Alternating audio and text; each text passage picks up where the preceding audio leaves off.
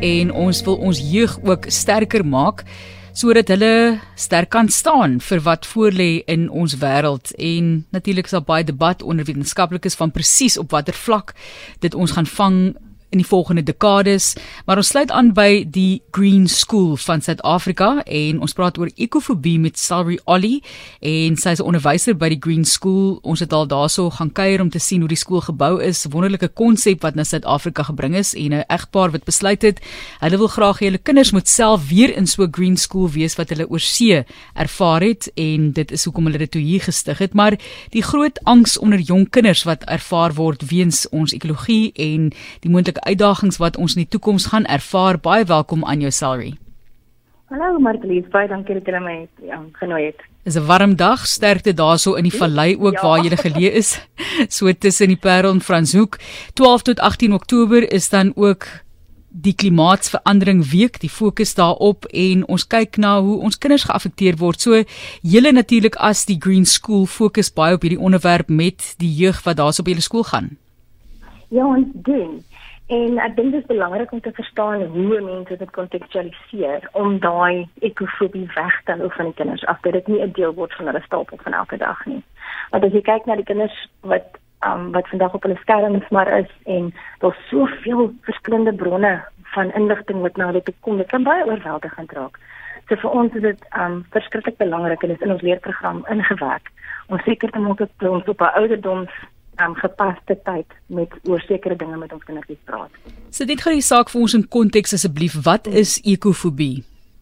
So ekofobie is um dit is 'n 'n tendens wat deesdae um al meer voorkom waar kinders en jong mense tot en met 25 um, jaar oud um emosies ervaar van oorweldiging. Hulle is verskriklik oorweldig deur die feit dat die wêreld om hulle besig is om in duie te stort. Want as jy na die nuus kyk, is daar vloede, daar's hittegolwe, daar's um, soveel dinge in die weer wat erger en erger raak. En elke jaar sien ons weet hierdie was die warmste somer nog hierdie was die koudste winter nog. Seker al hierdie verskillende agendas van van van verskillende um, stemme en wat praat met jou. En dit naderhand begin jou affekteer. Dit begin 'n vrees word in hierdie oomblik van wat is die wêreld waarin ek gaan lewe eendag as ek 'n groot mens is? Of as ek op my eie gaan staan hoe gaan my wêreld lyk? Sien maar vir 'n gesin begin wil ek regtig nog kinders in die wêreld inbring? Al daai um soort van um, onbekendes filtreer dan in daai emosionele um, ervaring in. En dit kan baie baie um, dit dit bemagtig iemand net dit vat eintlik jou jou persoonlike stemmetjie weg en jy voel jy kan niks doen ja. so dit dit is nogal erg um, as jy dan dink ja as Greta Thunberg praat dan raak mense bang né so dis dit is een van daai goeie maar vertel vir ons by ehm um, die Green School wat julle nou daar het. Is daar bepaalde modelle wat mense al kan implementeer om hierdie hierdie ekofobie terug teen te werk?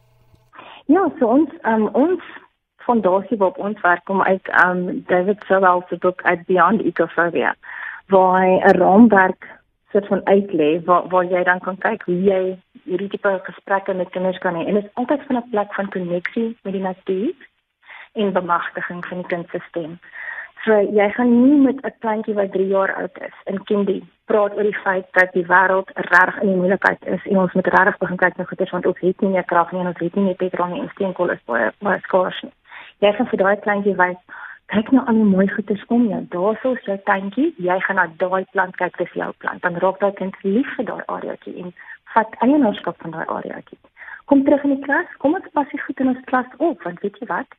elke keer as ons iets nuuts moet koop, beteken dit iemand moet dit maak en dit gebruik water en dit gebruik ander um resources ook nog om Engels weer.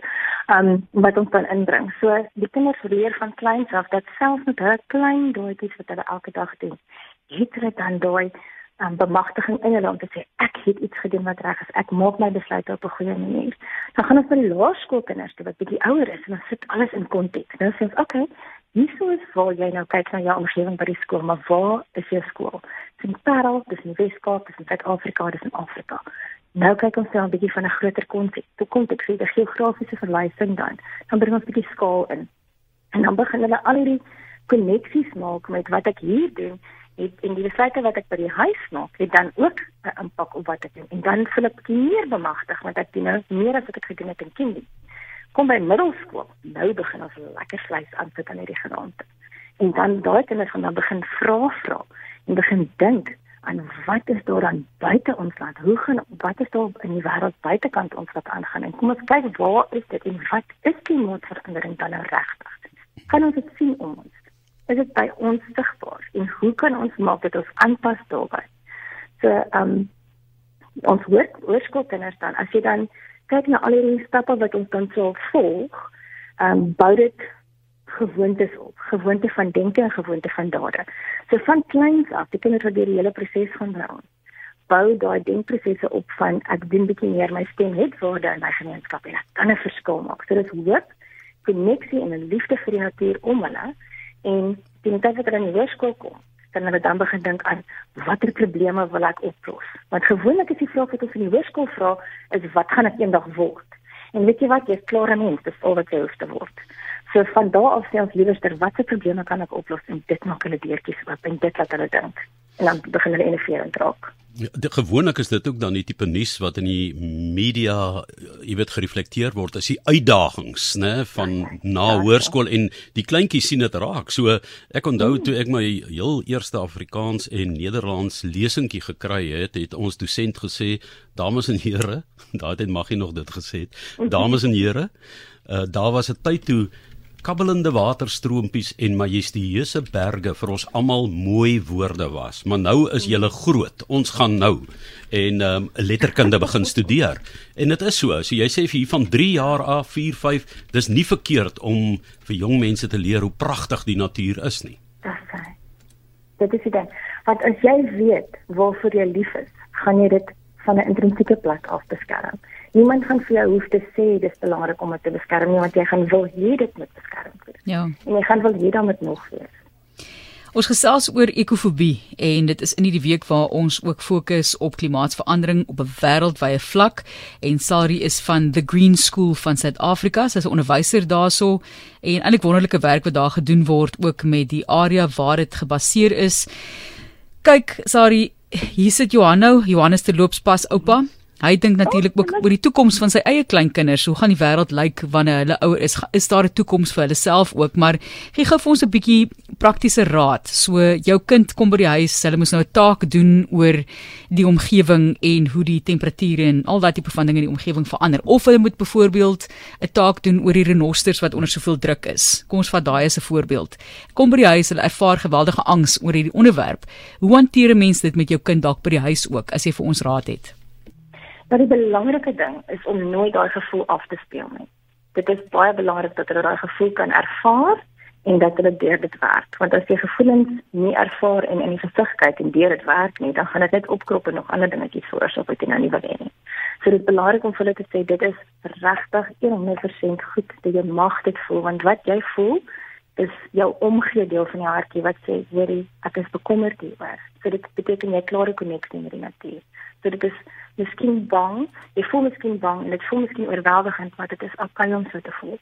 So dit is die eerste stap wat jy gaan doen. Dit is om nie die kind te laat sleg voel omdat hulle dit voel of om te sê ag man jy hoef nie te worry daaroor nie want jy is nog jonk nie. So as jy nou daarna kyk, dan voel jy die kind met regtig kan voel, so dit 'n rasionele gevoel wat hulle het. Dan die volgende ding wat jy kan doen is om te sê, kyk, kom ons kyk by die huis. Wat is een ding wat ons by die huis kan doen wat jou gaan laat beter voel oor dit jy voel asof jy iets doen. Miskien kan jy byvoorbeeld ehm um, begin kyk na hoe kan jy raak want want dit is daai daai hulpelose gevoel. So hoe gaan jy die kind bemagtig van die huis af byvoorbeeld? So wat gaan ons vandag doen? Kom ons gaan kyk bietjie watter helpers is daar. Gaan kyk wie is daar wat die wat die renosters help byvoorbeeld. Gaan kyk wie is daar wat die wat die veedeertjies help. Kom ons gaan kyk Miskien kan ons na die na die strand toe gaan een Saterdagoggend en ons gaan help om vir die strand kan maak. En weet jy wat, jy hoef nie eintlik in jou omgewing eers te wag dat ander mense dit doen nie. Vat die gesin en die hele familie en almal se vriende en die bure en gaan en gaan maak 'n stukkie skoon in die area waar jy bly. Dan voel ek jy fisies iets gedoen en jy loop weg met 'n gevoel van, "Jo, ek het vandag ietsie lekker gedoen."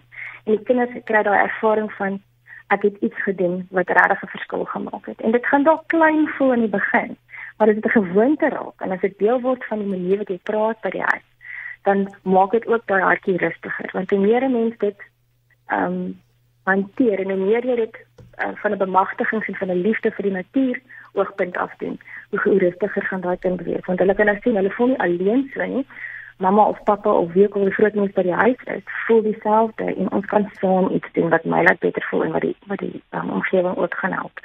So kyk byvoorbeeld na rolmodelle. Kyk wie in julle gemeenskapie is baie goed met herwinning byvoorbeeld. En dan gaan volg julle 'n voorbeeld. Dan gaan herwin julle saam met hulle. Vat julle goedjies van die huis af en gaan sit dit in 'n herwinningsblikke of gaan werk eendag gaan doen 'n bietjie ehm um, kyk waar dit se gesinnetjie gaan kyk waar kan jy um, 'n koneksie maak met iemand en gaan sit en en en doen 'n bietjie sortering van van goedjies wat herwin moet word en kyk of jy dit so kan doen.